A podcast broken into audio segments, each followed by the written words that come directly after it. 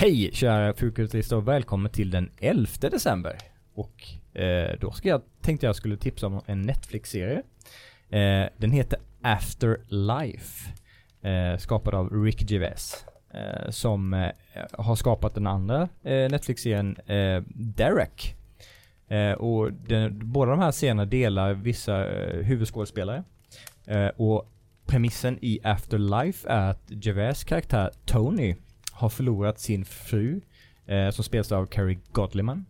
Eh, som även var med i Derek. Eh, han har förlorat henne i cancer och han är helt förstörd. Liksom han saknar helt ambition och drivkraft och livslust eh, efter det. Eh, och han jobbar som eh, journalist på en tidning. Eh, och så får man ju under den här seriens gång följa hans, hans kamp med att ha förlorat sin fru. Eh, och att ta sig an eh, medarbetare och eh, sina kollegor som, och släktingar som, som vill honom väl, vill att han ska liksom återfå livsglädjen.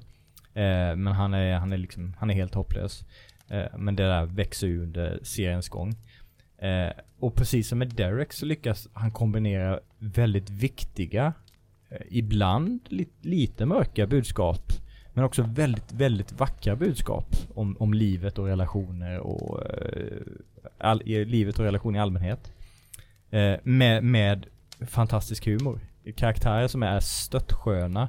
men som inte är endimensionella. Alltså den där klumpiga eh, fånen har ändå liksom en, en, en funktion att fylla och ha, har sidor till sin personlighet som är, som är älskvärda. Eh, och precis som med, med Derek så, så fann jag mig flera gånger både skratta och nästan bli lite tårögd över hur, hur fint budskapet är i serien. Mm. Eh, och det, den, den har blivit förnyad till en annan säsong. Så den första säsongen går att titta på nu.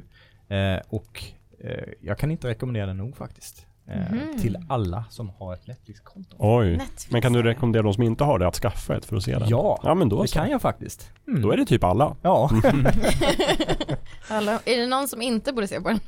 Eh, någon som är i kanske lite besvärligt eh, sinneslag kanske, kanske inte ska börja titta på den. För att det tar en liten stund innan man kommer in i de, de vackrare delarna. Just så det. det. kanske är lite tungt i början så. Så om man är känslig så kan det vara en... Eller om man har det liksom jobbigt för stunden kanske Ja. man ska hoppa in ett par avsnitt. Precis när allting har blivit bra. Exakt. men eh, nej men jag- skulle säga att det, det, den, är, den, är, den är inte jättemörk utan eh, den, ganska snabbt kommer man in i eh, att han börjar se de här spåren av anledningar till att, eh, till att vilja leva vidare och, och hitta nya individer i sitt liv och att eh, finna kärlek och eh, livslust i. Så att, eh, ja den är, den är fantastisk på alla sätt och vis. Jag gillar den väldigt, väldigt mycket. Känner man igen några skådespelare?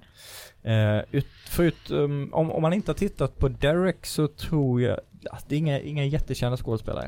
Eh, det är ju han, han tar ju med sina usual suspects eh, som han har jobbat med tidigare.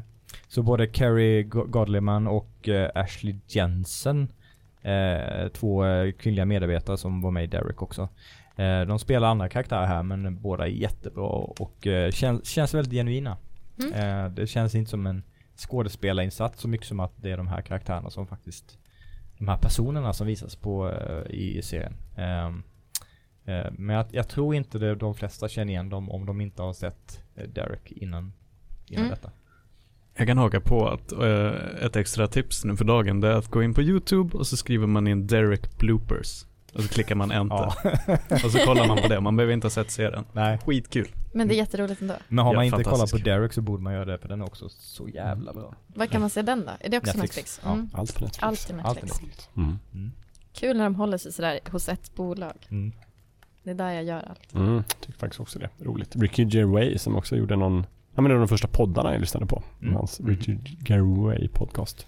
Där de eh, pratar om alla andra ämnen och skrattar väldigt mycket. Carl Pilkington, Steve Merchant och Ricky Gervais skrattar långt och mycket. Mm, Det var typ mm. podden. Och det var, räckte för ett framgångskoncept då. Nej det var också väldigt rolig. Jag Ja, det var det. också då. Sådär. Men eh, ja.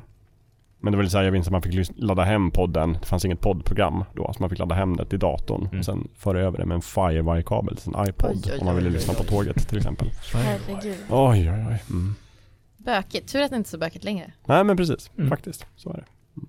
Så gjorde han ju också en uh, liten tv som heter The Office. Ja, ja. Den där Om lilla. några Mm, missat. om någon har talat om den.